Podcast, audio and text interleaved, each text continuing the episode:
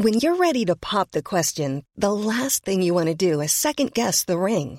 At Bluenile.com, you can design a one of a kind ring with the ease and convenience of shopping online. Choose your diamond and setting. When you find the one, you'll get it delivered right to your door. Go to Bluenile.com and use promo code LISTEN to get $50 off your purchase of $500 or more. That's code LISTEN at Bluenile.com for $50 off your purchase. Bluenile.com code LISTEN. One size fits all seemed like a good idea for clothes Nice dress. Uh, it's a it's a t-shirt. until you tried it on. Same goes for your healthcare. That's why United Healthcare offers a variety of flexible, budget friendly coverage for medical, vision, dental, and more. So, whether you're between jobs, coming off a parent's plan, or even missed open enrollment, you can find the plan that fits you best. Find out more about United Healthcare coverage at uh1.com. That's uh1.com. Ryan Reynolds here from Mint Mobile. With the price of just about everything going up during inflation, we thought we'd bring our prices down. So to help us, we brought in a reverse auctioneer, which is apparently a thing. Mint Mobile unlimited premium wireless. Ready to get 30, 30, bit to get 30, bit to get 20, 20, 20, bit to get 20, 20, bit to get 15, 15, 15, 15 just 15 bucks a month. So, Give it a try at mintmobile.com slash switch. $45 upfront for three months plus taxes and fees. Promo rate for new customers for limited time. Unlimited more than 40 gigabytes per month. Slows. Full terms at mintmobile.com.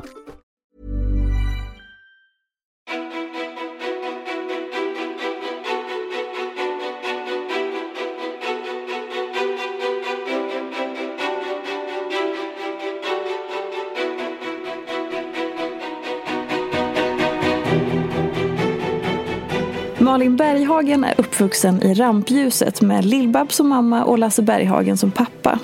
Under åren har hon jobbat sig till ett långt och kreativt CV som innehåller allt ifrån skådespelare, sångare, yogalärare, bloggare, författare, sommarpratare och mängder med andra saker som rör den kreativa banan. Malin är alltid aktuell och gjorde nu senast succé i Masked Singer som Lokatten där hon fick leva ut sin sexiga och sensuella sida. Hur har livet i offentligheten påverkat hennes beslut? Vem är egentligen Malin Berghagen? Varmt välkommen till podcasten Ofiltrerat med mig, Sofia Peterfia Ståhl. Hej Malin! Oj, vilken introduktion. Vem är egentligen Malin Berghagen? Ja. Kan, kan jag också få svar på det? Sen? Exakt! Vi kan väl börja med den frågan då. Ja, du. Ja, vem är jag? Eh, jag är en... Eh, ja...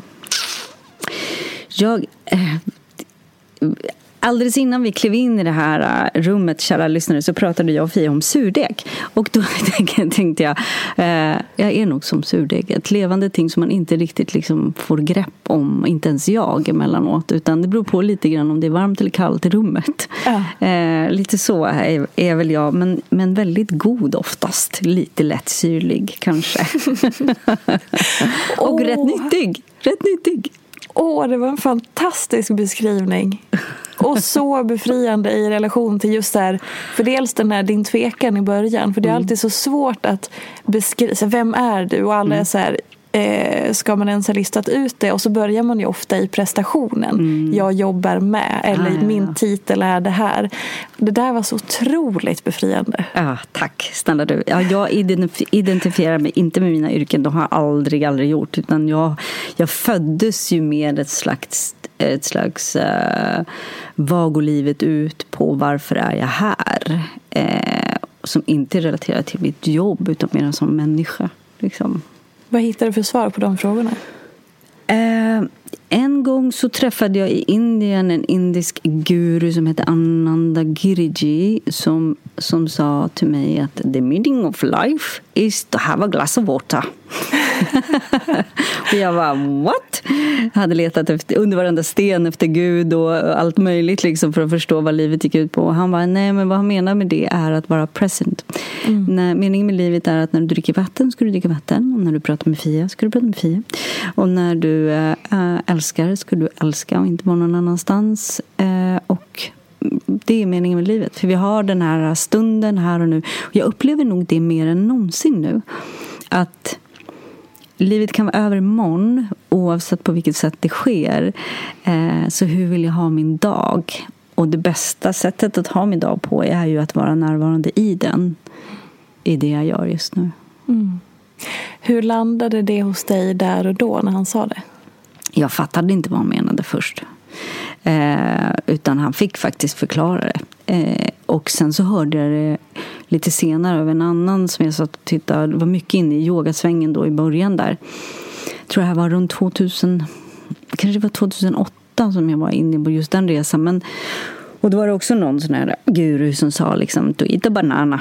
Eh, och sakta men säkert liksom, trillade polletten ner. Men, men sen handlar det också om att leva den och att förstå den. Och den tycker jag nog inte har kommit in förrän nu på senare år faktiskt. Att jag, jag kunde liksom låta det landa och jag kunde skriva böcker om det och jag var yogisk. Och jag, men jag var det för att jag ville för det var någon jag ville vara. Och det var någon jag önskade att jag kunde bli. Men nu lever jag det. Så det tar ju också sin lilla tid att liksom komma in i kostymen av den som man känner att man är och hur man vill leva livet. Finns det några sådana stunder eller ögonblick eller vägskäl om man så vill som där landade du lite mer i den kostymen eller där blev jag lite mer där du ville vara i det? När jag... Eh, nu ska vi se, det var när jag väntade Love, så det måste ha varit 1989. Eh, på sommaren, hon är född på nyårsafton, så på sommaren där skrev jag en liten lapp där jag skrev tiden mellan de tillfredsställande svaren och de nya frågorna är alldeles för kort jag tyckte liksom att jag kunde komma på någonting och bara det klickade och det satte sig och jag bara yes! Och sen bara boop, dök det upp någonting annat underifrån. Jag kände att jag skulle vilja komma fram till saker och sen kunna bara få flyta på det ett tag. Men sen, ju mer man kommer fram till desto mer liksom dyker det ju upp eh, någon annanstans som man ska förstå.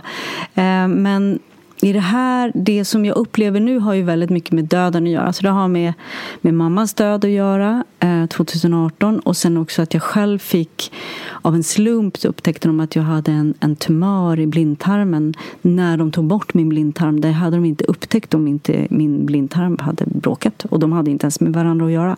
Mm. Så det var verkligen ren tur. Då fick jag mig också en så här liksom livet är skört och, och också jag hade en jäkla tur. Mm. Eh, så det blev verkligen så här en liten wake-up call och då, och då kändes det som att allt det där man har tagit in plötsligt liksom jag vet, inte, jag vet inte hur jag ska förklara det, men jag ser framför mig nu, jag vet inte alls vad det är för substans, men du vet när man, när, när man ska, ja, nu vet jag, när man, när man ser de här människorna som lägger plattor, stenplattor. Mm. Um, jag tittar ju eh, på det här sommarprogrammet som din, din älskling är med i, så jag älskar ju trädgård, så jag tycker det här är kanske är en bra beskrivning. Och så lägger man stenplattor och så ska man få sanden i de här sprickorna. Liksom. Ah. Och så ska det liksom, så blir det stabilt, det är lite så. Ja. Att, att man kommer in, helt plötsligt så landar allting. Och all sand och alla, alla liksom svar man har fått liksom på något sätt faller på plats. Sen kommer det luckras upp på sina ställen. Du kommer få mycket metaforer. Älskar. Jag, jag älskar metaforer. Ja, men jag njuter. Jag är likadan. Jag älskar. Jag bara, give them. Kom igen, fortsätt. De är ja. så välkomna. Ja, så är det. I alla fall, ungefär så var det. Ja. Oh, så då har vi varit inne på surdegen mm. och nu är det plattläggningen och sådär.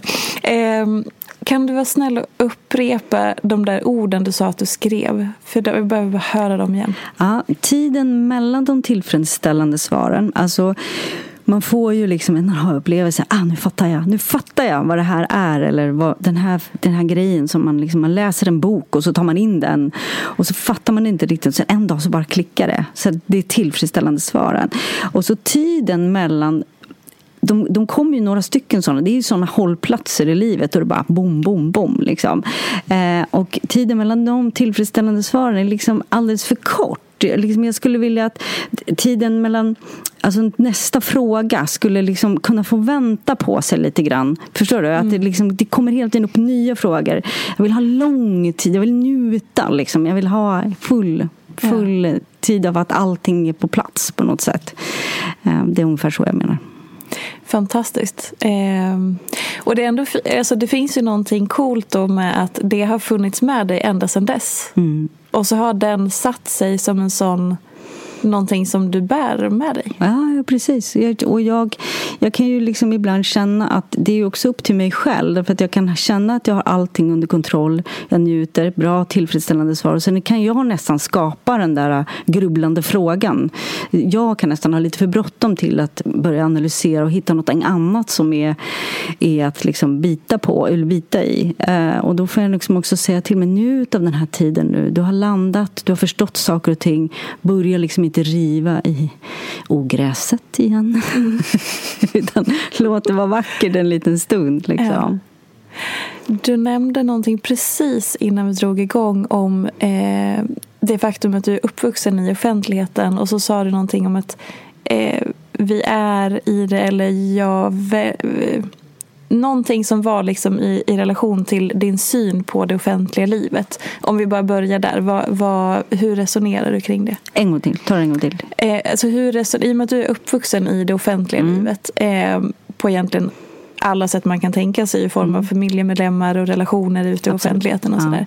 Hur, hur lever du i det för att kanske känna att du inte tappar bort dig själv men också så här, egentligen om man lever i det så vet man kanske inget annat.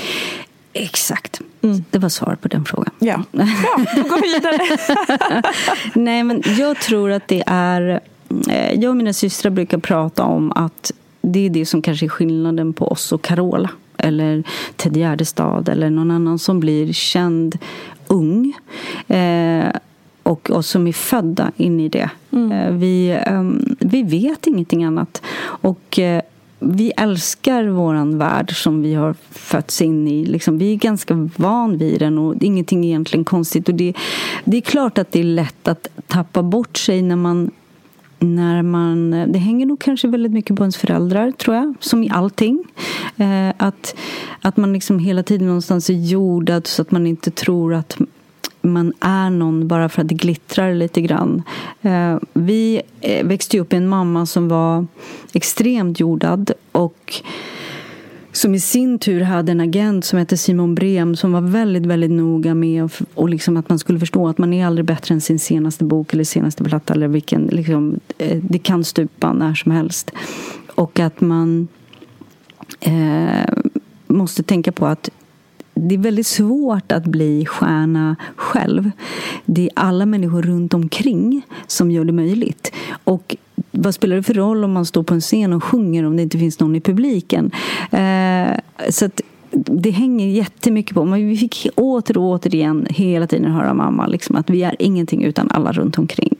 Så det gör ju också att, att vi aldrig egentligen upplevde oss som bättre än någon annan på grund av att vi var kända utan snarare kanske att det var ganska jobbigt med vissa saker. Som att tidningarna hade åsikter och ljög och hittade på saker om, om oss eller om mamma och att journalister skrev um, recensioner om mamma som var väldigt personliga istället för att skriva någonting som hade med hennes föreställning att göra. Alltså det är sådana saker. Stalkers, eh, äckliga gubbar som stod och väntade på, liksom, eh, eh, på vägen hem ifrån skolan och, och som hade liksom, jag kommer ihåg att jag fick ett brev i brevlådan när jag var 12-13 år där någon hade ritat av sin manslem liksom och frågat om de skulle ta oskuld. Alltså, det, finns oh, ju, det, finns ju, det finns ju snarare sådana saker som man tycker, hur värjer man sig från det. Mm.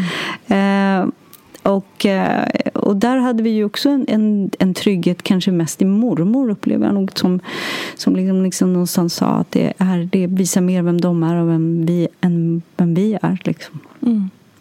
Och, och det kan man väl egentligen relatera till i livet i stort oavsett om man är offentlig eller känd eller inte men just så här, människors åsikter.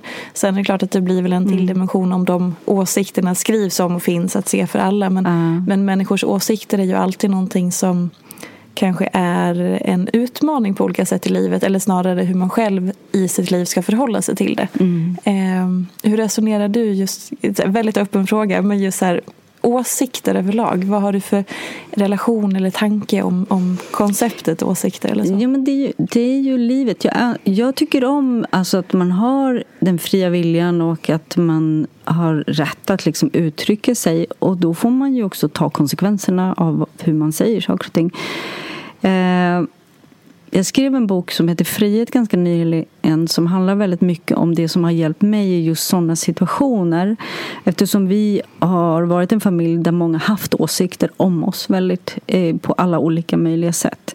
Och det är just det, precis det jag sa, att, att det andra människor säger säger mer om dem än vad det säger om mig. Eh, och att att komma ihåg det. Alltså man får nästan stå och säga det till sig själv hela tiden. Sen, så, sen finns det ju, brukar jag ju leka lite grann då, för jag tycker det är lite roligt. Jag liksom leker med mig själv lite grann på så sätt att jag, att jag när jag när folk har åsikter om mig som är lite negativa och jag går in i någon känsla av att oh, de tycker inte om mig och varför säger de så där och vad har jag gjort eller vad har jag fel kläder på mig och så vidare. Då kan jag säga så här, men Malin, allt handlar inte om dig. Mm. Allt handlar inte om dig, släpp det. Liksom. Mm. Och bara lite för att skoja med mig själv. Sådär. Och det är ju sant. Det handlar ju, det de uttrycker och det de tänker och det de känner om mig säger ju egentligen ingenting om mig utan det säger bara vad de tycker om mig. Alltså deras mm. uppfattning. Och den har de ju rätt till. Sen är det ju upp till mig om jag vill hänga med dem eller inte. Alltså om, om du tycker att jag är, är, ful i rosa hår, Fia, så är det ju liksom, det säger ju mer om dig. Det säger ju ingenting om mitt rosa hår, för någon annan kanske tycker att jag är fantastisk. Medan du, du säger ju att Fia inte tycker om rosa hår på Malin Berghagen. Liksom. Det är det det säger. Det är det jag tänker på. Nej, men, tror du, så ja. jag, får liksom, jag leker med mig själv lite grann. Så här, när jag märker att min dåliga självkänsla kommer igång och när jag, när jag lite grann säger så här, herr Berghagen, eller herr Berghagen, fröken Berghagen, du är liksom 55 år vad är det här liksom? Släpp det. Plus nummer två som jag gör det är att jag försöker inte att kapa andra människors draman. Så att jag brukar tänka så att när någon har en åsikt eller när någon går igång eller när någon säger varför eh, är du på det här sättet och varför gör du allt det här som mig? Och då om jag då vänder det och säger hur kan du säga så till mig och varför säger du så? Bababam, då kapar jag ju dramat. Liksom. Medan om jag säger okej, okay, varför känner du så? Mm. Varför, varför, upplever du så? Varför tycker du att jag gör så? Då låter du deras känslor vara kvar hos dem.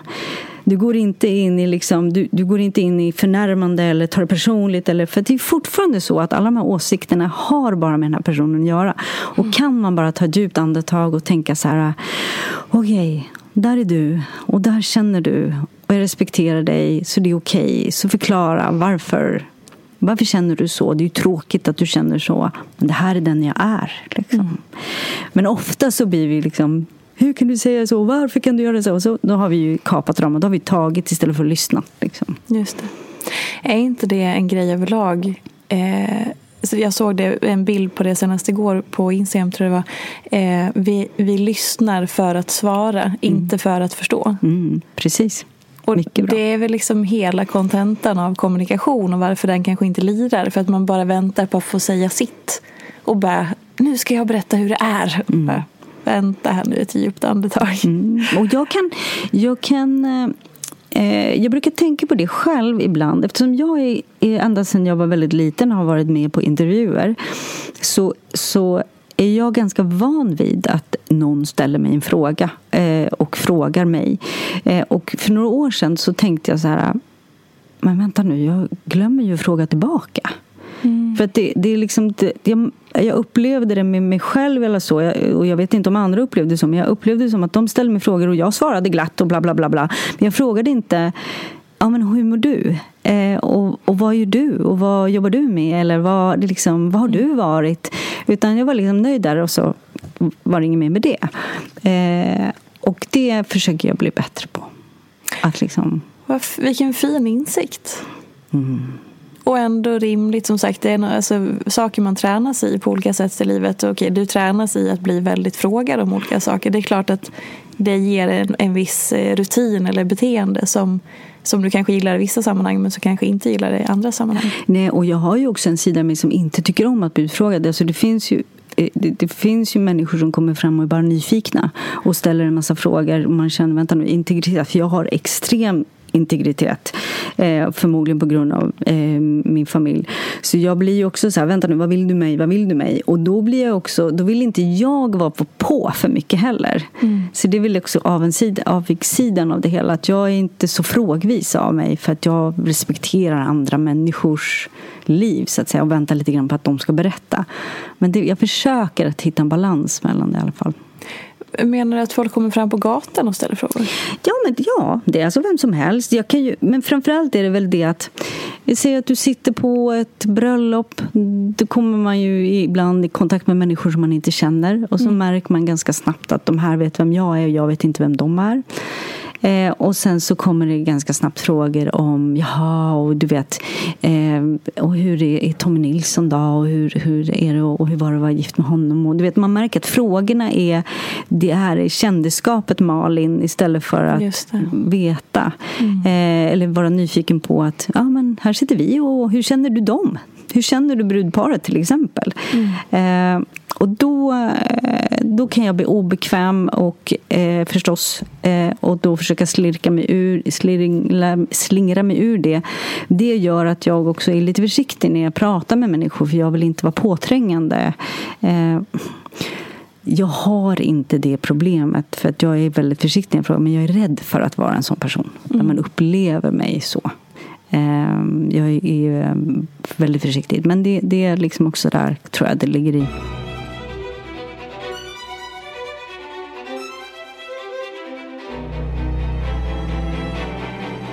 Min mamma var ju väldigt öppen och lät alla, liksom, när vi var ute och fikade och sådär så kom folk fram och ville ha hennes autograf och sådär. Så sa hon alltid ja, ja, ja, så skulle de ta bilder. Mm. För mig som barn var det oerhört frustrerande för jag kanske inte hade sett min mamma på, på två veckor för hon hade varit på turné.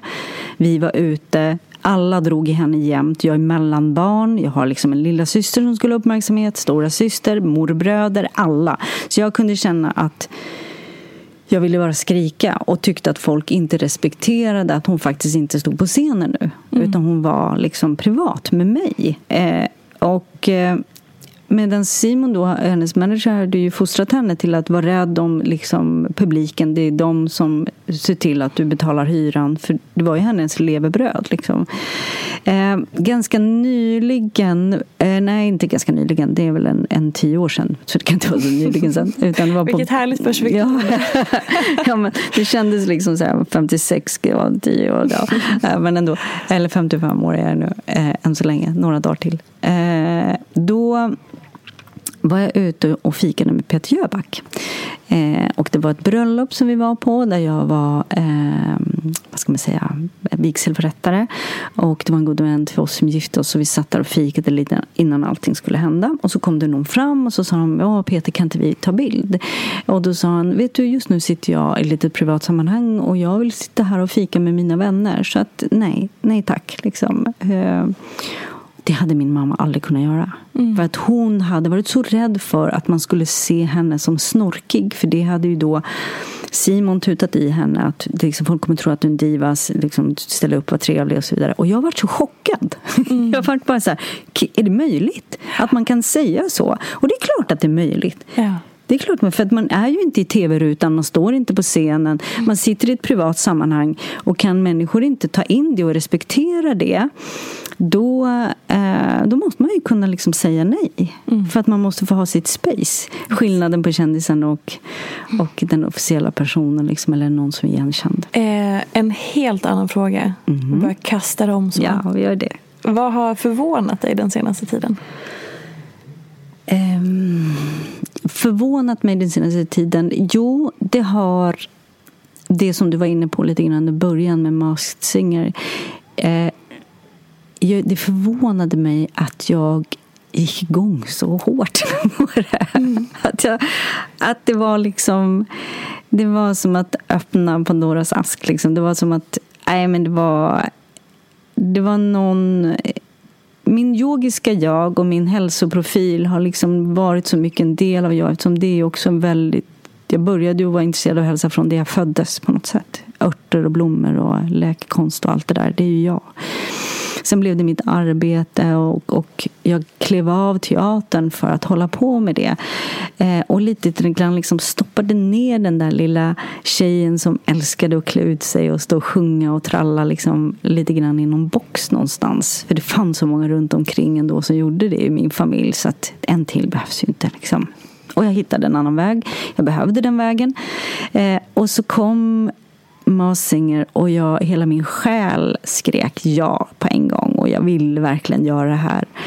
Och jag njöt, alltså. Jag njöt varenda sekund. Jag, jag dansade hemma, jag gick upp tidigt på morgnarna. Jag, alltså, och just den här äh, sista numret som vi får göra utan mask. Jag var hög efteråt. Mm. Och det hade jag inte förväntat mig. Jag hade inte förväntat mig att jag skulle känna det så otroligt, ursäkta uttrycket, orgasmiskt. Fantastiskt uttryck. Mm. Och väldigt målande. Ja. Så, och sant. och, och vad, alltså, för jag kan tänka mig då att så här, det är en sån extra dimension just när man har den här masken på sig. Och så här, hur viktig var den för att du skulle få den känslan tror du? Masken hjälpte förstås över den här första tröskeln. Hade någon sagt så här, du ska vara med i ett program med Pernilla Wahlgren och allihopa, du ska stå fram längst fram och sjunga en låt. Ja, känna, kul, roligt, ring mig om några år. Det hade jag ju sagt nej. Mm. Här blev det ju en lek. Jag, lurades, jag lurade mig själv och jag lurades av andra eh, och jag lurade andra. Eh, det, det, blev på något roligt sätt som blev att, att jag kunde gömma mig bakom masken och våga på något sätt. Eh, så det hjälpte absolut, till hundra procent. Plus att jag fick gå in i skådespeleriet, för det är ju ändå där jag känner mig mest hemma. När det gäller sången, eller teatern eller dansen så är ju teatern där jag liksom eh, älskar att vara. Eh, så det, det, det, var också enklare att gå in i någon slags karaktär. Mm. Verkligen. Och den liksom, när du gick in i den karaktären, för som jag skrev också i intro, så här, den lite, Lokatten var ju lite sensuell och lite sexig och sådär. Hur, hur nära dig ligger liksom den sidan? Jo, men den, den ligger väldigt nära mig. Uh, i, och den är ju nära mig i min närhet, i min närmaste liksom, i min Jag älskar ju att gå i väldigt kvinnliga klänningar och jag tycker om att vara sensuell och jag vill vara när jag är, är alltså, jag är kanske lite gammal och traditionell där i det, men jag gillar ju det här kvinnliga och manliga. Liksom. Att jag, vill, jag vill ha en man, jag vill gärna att han öppnar, oj, öppnar dörren och jag vill, liksom ha, jag vill vara i det feminina. Jag tycker det är fint. Jag tittar på eh, mycket naturprogram och jag gillar att det finns det där fortfarande i oss. Att vi kurrar upp oss och vi svansar till det. Och, eh, jag glömmer aldrig min stora ridgeback som jag hade som nu inte lever längre. Och så fort de här tikarna kom förbi, de bara slängde sig på marken och bara rullade runt där. Och jag bara ah, känner igen det, know that, doing that. Liksom. Eh, så jag har absolut den i mig, men i, i, den yogiska världen så är det ju annat fokus. Liksom. Och man får hålla tillbaka lite grann tycker jag också för att det får inte bli sexuellt. I, vi, så, vi har ju tights på oss så det blir så nära huden då på, i yogasalen och ska inte liksom fokusera på den biten där. Samtidigt som utan yogan så hade jag inte upplevt den sexuella biten på samma sätt som jag gör idag. Alltså, den har ju öppnat en närhet till det feminina i mig jätte, jättemycket. Men, eh, men eh, jag tror däremot det Lokatten lärde mig um, eller jag fick väl kanske visa mer av, av det sensuella i officiella sammanhang genom att göra en roll som Glokatten. Eh, det kanske är det. Men det hon lärde mig eh, det var nog att, eh, att vara modig. Jag, tyckte, jag är glad också Fia att jag fick Lokatten för det är, eh, det är ju någonstans eh, hon är lite skygg. Mm. Hon syns inte alltid och håller sig gärna lite undan och sen helt plötsligt dyker hon upp på vägen. Mm. Och så ser man henne och så blir man så här wow. Och det var lite så jag kände. att jag håller mig gärna och lite åt sidan och sen emellan och så bara poff blommar jag ut. Hur viktigt tror du att det, det sensuella är eller sensuella, jo men sensuella och kanske eh, sexuella eller vad man nu vill säga. Eh, hur viktigt tror du att det är i relation till välmående? Ja, jag tror det är jätteviktigt. Alltså jag skulle kunna prata hur länge som helst om det här. Oh ja. Ja, alltså, du vet, vagusnerven. Och eh, alltså... Och, och, Och stopp, om det är någon som inte vet, bara förklara. nej men vi har ju då en härlig, super, super härlig skön nerv som går från topp till tå om vi inte ska gå in i detaljer och som sprider sig ut i varenda liten del av oss kan vi väl säga. Och, eh, och som får oss att må väldigt bra eller väldigt dåligt emellanåt. Och för för några år sedan så, så tänkte jag så här, det är väl Alltså nu kommer det, känsliga lyssnare vill jag nu bara vara, för nu varna att det kommer bli lite då känsliga ämnet här, ett känsligt ämne. Men då kunde jag uppleva så här att hur kan det vara så att man blir stimulerad vid underlivet och det känns i hela kroppen. Mm. Alltså det känns du vet upp i hårfästet. Och då blev det liksom verkligen så här, du vet, jag behövde verkligen gå in på det här med nerver och energier och, och liksom hur vi kan, jag märkte till exempel nu, jag har ju tinnitus alltså nu hoppar vi igen, jag har Ja. tinnitus. Jag har hörapparat på en, ena örat på grund av det. Eh, och, men när jag sjöng i Mask Singer så försvann det. Nej, vad coolt. Och det har, tror jag har koppling med just eh, vagusnerven. För det, du stimulerar vagusnerven när du sjunger eller när du duschar kallt eller massa olika saker. Sådär. Eh, så att, och då sjöng jag väldigt mycket och så slappnade nerverna eh, liksom runt nacken och vagusnerven var superlycklig. Och, eh, och det var nästan orgasmiskt bara. Det liksom satt ihop på något sätt på samma sätt som en orgasm. Så att jag tror att Förlåt, alltså det är klart, det, jag får tänka efter så här emellanåt. Mamma lever inte längre, men hör hon mig ändå? jag tror så här att älskade lyssnare, så här är det i min uppfattning. Har man inte en partner så se till att ha roligt själv ändå. För det är jätteviktigt för din egen hälsa. Och Jag sa det fint nog nu. Ja, men verkligen. Ja. Och jag tänker att så här, i, ska man hårdra det så spelar det ingen roll hur man pratar om det, bara man pratar om Ja, det. exakt. Eh, och framför allt kopplingen till välmåendet. Eh, Vill du berätta någonting mer om liksom, den här nerven då, om man inte liksom känner till den? Nej, men, alltså, jag tror så här, googla på den så kommer ni hitta hur många Youtube-klipp som helst på hur man stimulerar vagusnerven. Men, men den, den är en, en skön kompis och jag läste, eller jag tittade ganska nyligen på en, en, eh, ett program som handlade om immunförsvaret som går på SVT. Som, eh, det handlar om någonting om immunförsvarsboost eller något sånt där som var jättebra från England. Eh, och då pratar de just om att stress inte är bra för kroppen men eh, lite stress eh, är, är bra. Det, är liksom, det boostar immunförsvaret om vi får lite sund stress. Och då är det just det här att duscha kallt en snabbis eh, och få den här lite oh, hjälp. Det är, liksom, det är jätte, jättebra för kroppen. Så då stimulerar man vagusnerven till exempel. Eller att sjunga, sjunga, sjunga. Ja. För att vi, vi behöver ha den, den lilla kicken i oss och vi behöver ta ansvar över den. Eh, och inte lägga den på vår partner eller på att vi inte kan ha det utan en partner. Utan vi kan liksom få dopaminet, vi kan få den här euforiska känslan. Vi kan börja bli, tycka om oss själva, ta på oss själva. Den taktila beröringen behöver liksom inte, det behöver inte finnas någon annan som gör det. Utan eh, har man till exempel en väldigt dåligt förhållande till sin kropp då är ju den bästa vägen att gå är ju faktiskt att börja bit för bit och liksom bara tycka om sin vad lite grann. Så här. Jag, brukar, jag tycker om när jag gör yoga eller när jag ligger i badet, badet då kan jag liksom låta mina händer eh, för just att min kropp förändras nu när man är, är liksom i klimakteriet så händer det en massa saker. Man går inte ner lika snabbt, det blir gropar överallt och det blir dallrigt överallt.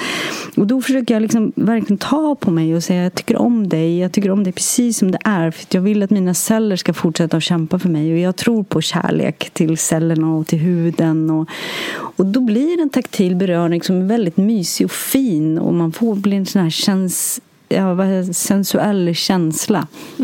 Plus att jag tror att det är ens plikt faktiskt till sitt eget välmående och sin egen lycka att se till att man får den stimulansen, eh, kärleksförklaringen och att jag har haft som regel i många, många år att det får aldrig gå längre än en vecka mellan att jag, eh, alltså, det får inte gå längre än en vecka tills vi har sex igen. Liksom. Och då måste jag, eh, då, då måste jag liksom anstränga mig till att det blir så. Om jag är trött, om jag är, känner mig i mitt fall så kan det vara så att har jag ätit för mycket, känner att jag har gått upp några kilo och känner mig ful och äcklig så tycker jag att det är jättejobbigt. Ja, men då måste, jag, då måste jag verkligen få hitta på någonting som gör att jag är rädd om relationen, min egen hälsa och våran hälsa.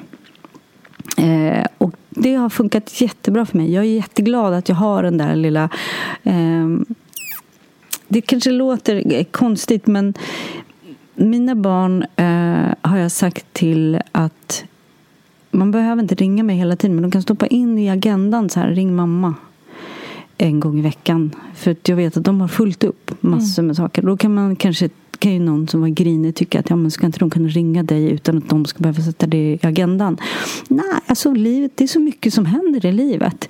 Och jag upplever istället som att det är en kärleksförklaring att de sätter in mig i agendan för att de vill påminna sig själva om att jag får inte glömma att prata med mamma. Och lite grann så är det med oss själva. Mm. Och relationen. Vi kanske behöver sätta in en sån liten notis eller det får inte gå längre än en vecka eller liksom torsdagar ska jag ha en egen dag där jag bara tycker om mig. Eller liksom, det, många brukar säga att det är alla hjärtans dag borde inte finnas om man ska älska, älska alla hela tiden. Ja, fast det går ju inte. Så det är jättebra att vi har en dag som är då vi älskar lite extra. Mm. Och jag tycker att man behöver göra det i ganska mycket olika saker. Som till exempel sex. Att man behöver kanske för livet händer. Man behöver sätta det som en prioritet i livet. Jag träffade ju Martin för fyra år sedan eh, och mm, jag har andra andra liksom premisser eller vad man ska säga i vår relation. Vi behöver inte tycka lika, vi är, o, vi är extremt olika. Eh, och hade jag varit 25 så hade jag varit galen på att vi är så olika. Eh, och eh, olycklig.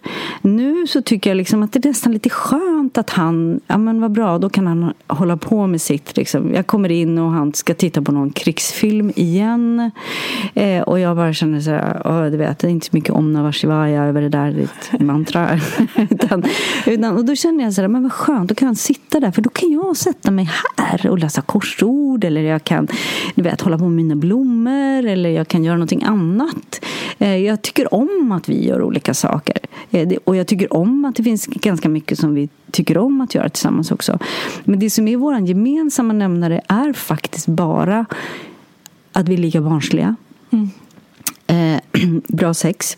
Eh, och bra kyssar. Jag tycker det är jätteviktigt. Det är någonting som jag absolut inte kompromissar med. Eh, att, eh, och eh, att vi får varandra att skratta. Mm. och det är faktiskt oftast för att vi är olika. Alltså att vi tycker varandra är så knasiga.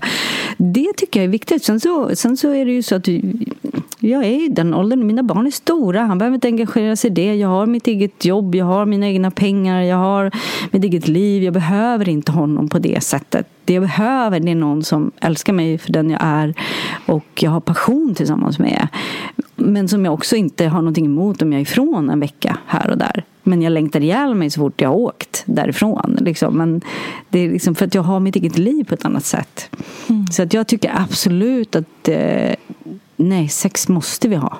Eh, det måste vara, alltså det är prioritet i alla fall i min ålder nu. Men det är också de mesta tror jag att det är.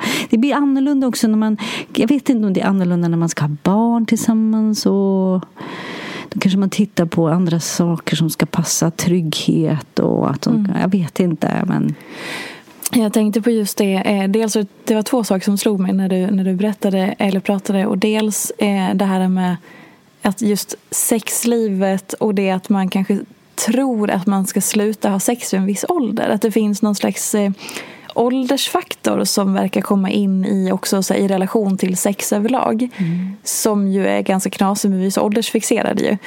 Eh, vilket ju så här, som att åldern skulle säga, nej men nu har jag nått den här siffran så nu är det slutåkt. Ja, nej, nej alltså det är ju egentligen tvärtom. Det blir bättre? Ja, alltså det är ju så här att när vi väl förlorar mensen så kan vi ha hur mycket sex som helst. Ja, det... Man behöver inte vara rädd för någonting längre. Man kan ligga och ligga och ligga och man behöver inte vara orolig att man blir med barn, säger hon som har fyra barn. eh, och, och det är fantastiskt. Om man är i den åldern och man ursäkta uttrycket, don't give a fuck vad han tycker om min kropp och så vidare. För jag tycker om mig. Och man kan njuta av ett sex på ett helt annat sätt. Och, eh, och, eh, alltså det kan ju kanske vara så att man behöver ta hjälp med lite kokosolja emellanåt och så vidare. Eh, om man nu har det problemet. Men, men det är faktiskt fantastiskt roligt oavsett om man har det problemet eller inte alla borde ha kokosolja hemma. Eh, så det finns liksom, eh, jag tycker att när man kommer in i klimakteriet så har man en liten dipp. Man kan tycka att det är lite tråkigt och hormonerna är liksom, men kämpa på, kämpa på. För när man väl kommer över den där Åh, då är det bara att åka. Plus att det finns älskade lyssnare som är i min ålder, men alla andra också. Mackapulver. Aha! Mackapulver. Oh. Ja, smoothie med mackapulver eller en eh, tesked gånger tre om dagen eller bara rör ner i lite vatten. Det är jättebra för klimakterie och hormonella besvär överhuvudtaget. Eh, man blir eh, kåt. Eller lycklig då kan vi säga. Eller glad. Mm. Vad vill du vill använda för uttryck. Så att, och jag har haft tjejkompisar som faktiskt har um, eh, blivit av med sina vallningar bara på en och en halv vecka efter att de började köra macka. Och sen har de fått tillbaka sexlusten. Så att... Men gud. Mm -hmm. Oj, det känns som att alla kommer springa till hälsokostbutiken. Ja, macka, M-A-C-A. Och hur mycket var det sa du?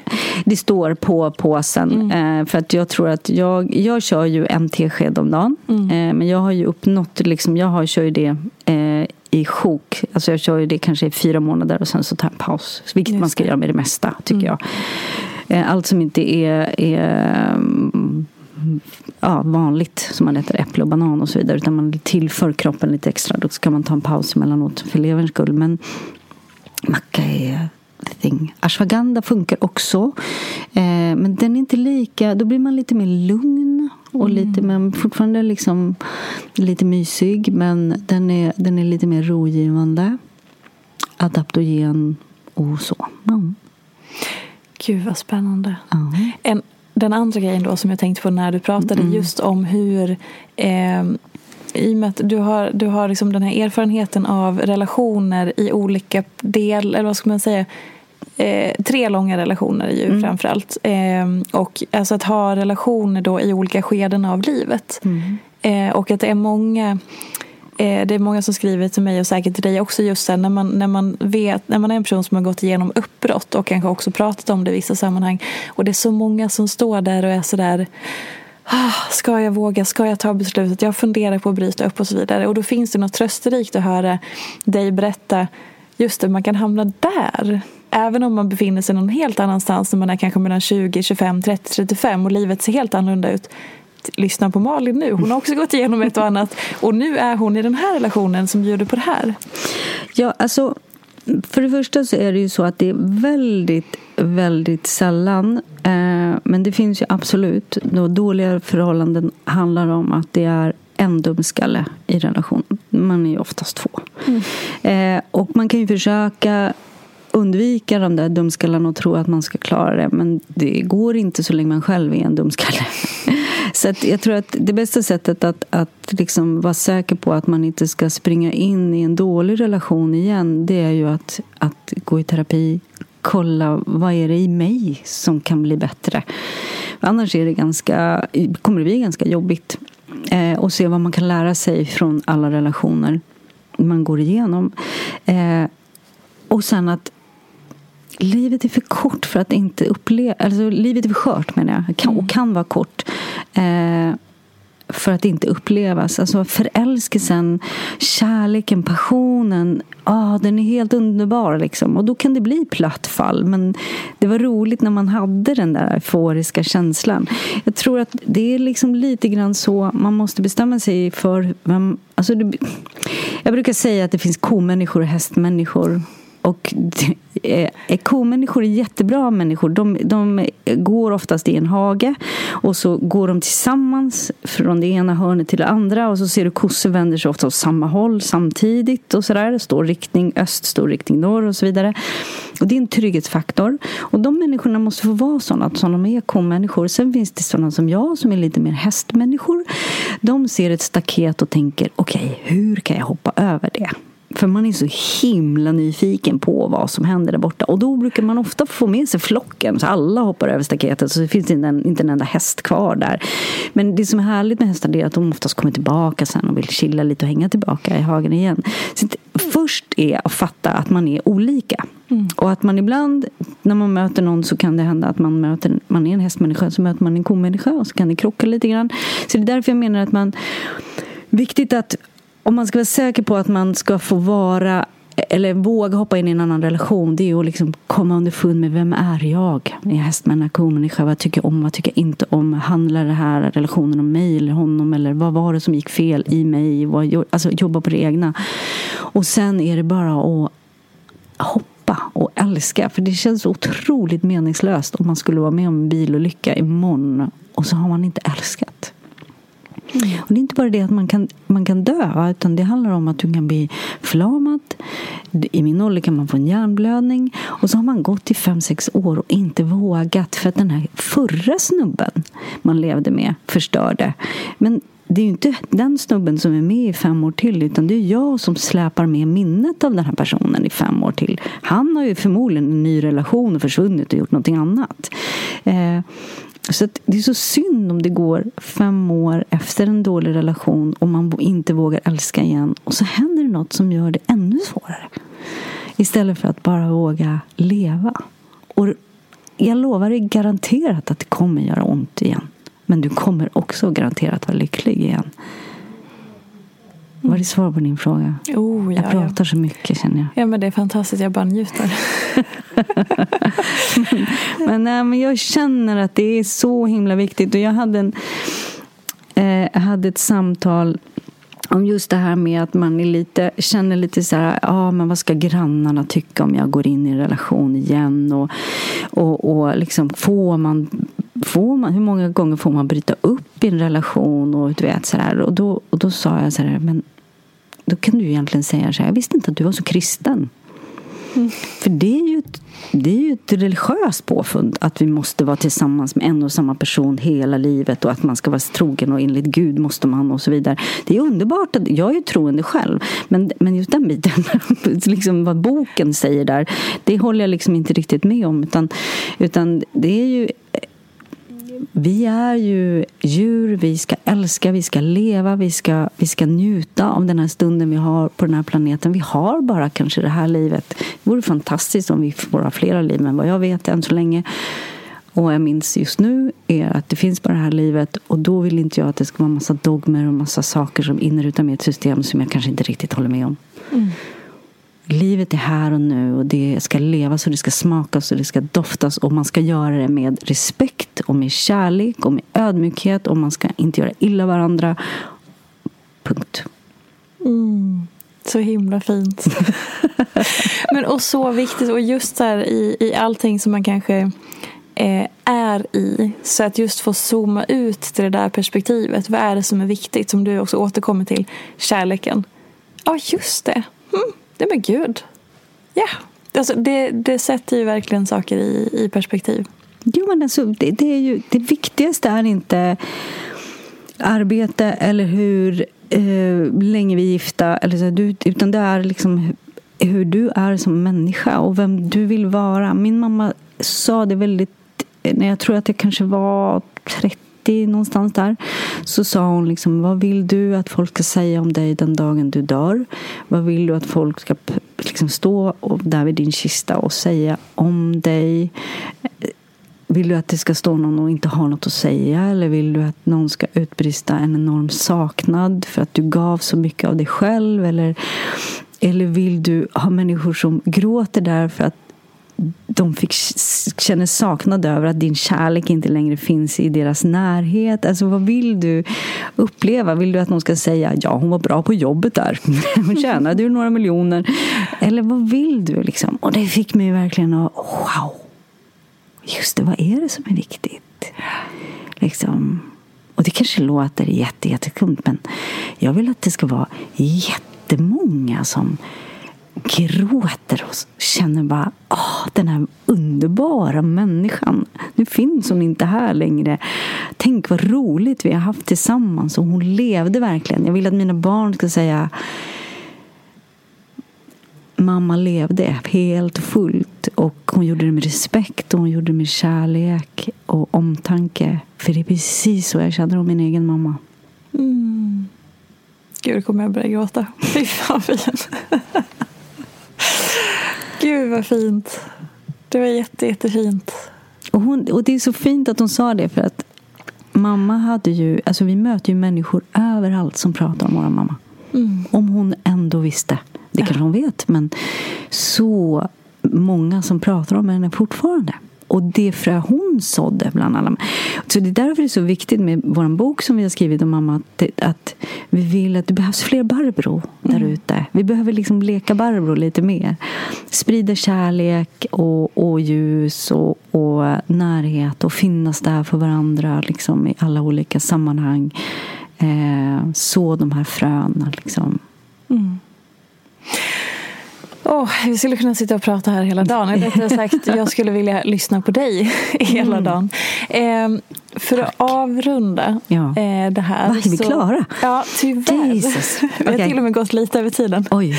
Mm. Eh, du får gärna komma tillbaka någon gång. Så kan vi fortsätta. Ja, ja. Eh, innan du ska få berätta mer om boken och var man kan hitta den, för den vill vi också lyfta upp. Mm. Eh, men också så ska du få den sista avslutande frågan som alla mina gäster får. Finns inget facit på denna fråga. Det är bara en ren sån avslutande grej. Eh, och den är, vad är inte som det ser ut? Vad är inte som det ser ut? Ja, det här kanske kan låta oerhört provocerande. Jag vet inte varför det dyker upp i mig just nu. Mm. Eh, så det får ni alla då fundera över vad det triggar i er och vad det känns i er när jag tänker på den frågan. Och det är att i en viss man i ett land som heter Ryssland, forna eh, Sovjetunionen, så finns det en man som känns väldigt hård och kall och elak. Men där inne finns det ett litet barn och ett hjärta och någon som har sprungit runt och lärt sig gå och bara vill bli älskad då, när han var liten. Och sen någonstans på vägen blev det så otroligt, otroligt fel. Men det där lilla, lilla, lilla finns fortfarande kvar. Och det är den vi måste liksom bara be för att den börjar blomma ut igen och han får kontakt med. Hitta tillbaka till kärleken som mm jag tror att alla människor har där inne. Eller jag är övertygad om att alla människor har det ljuset och kärleken inne. Sen så händer det massa saker i livet som gör att vi tappar kontakt med den. Eller är rädd för den. Mm.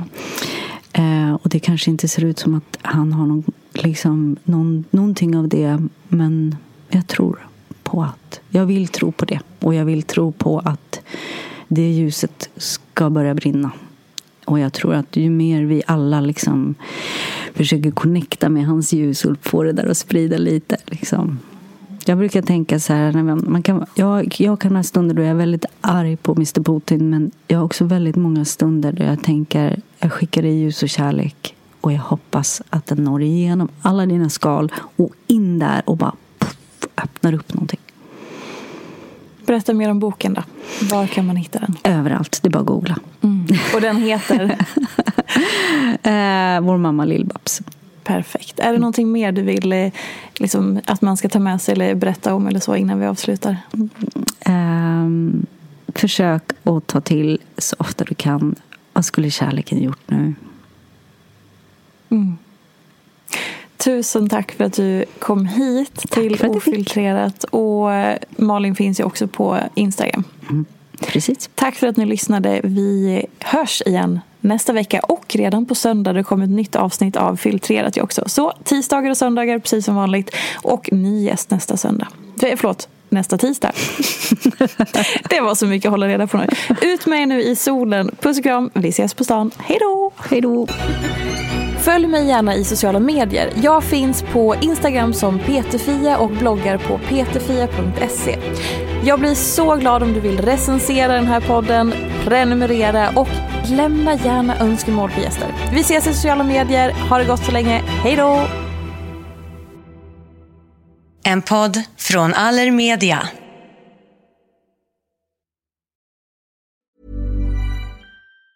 Mom deserves the best, and there's no better place to shop for Mother's Day than Whole Foods Market. They're your destination for unbeatable savings, from premium gifts to show-stopping flowers and irresistible desserts. Start by saving 33% with Prime on all body care and candles. Then get a 15-stem bunch of tulips for just $9.99 each with Prime. Round out Mom's menu with festive rosé, irresistible berry chantilly cake, and more special treats. Come celebrate Mother's Day at Whole Foods Market. Planning for your next trip? Elevate your travel style with Quince. Quince has all the jet setting essentials you'll want for your next getaway, like European linen, premium luggage options, buttery soft Italian leather bags, and so much more. And is all priced at 50 to 80% less than similar brands. Plus, Quince only works with factories that use safe and ethical manufacturing practices. Pack your bags with high-quality essentials you'll be wearing for vacations to come with Quince. Go to quince.com/pack for free shipping and 365-day returns.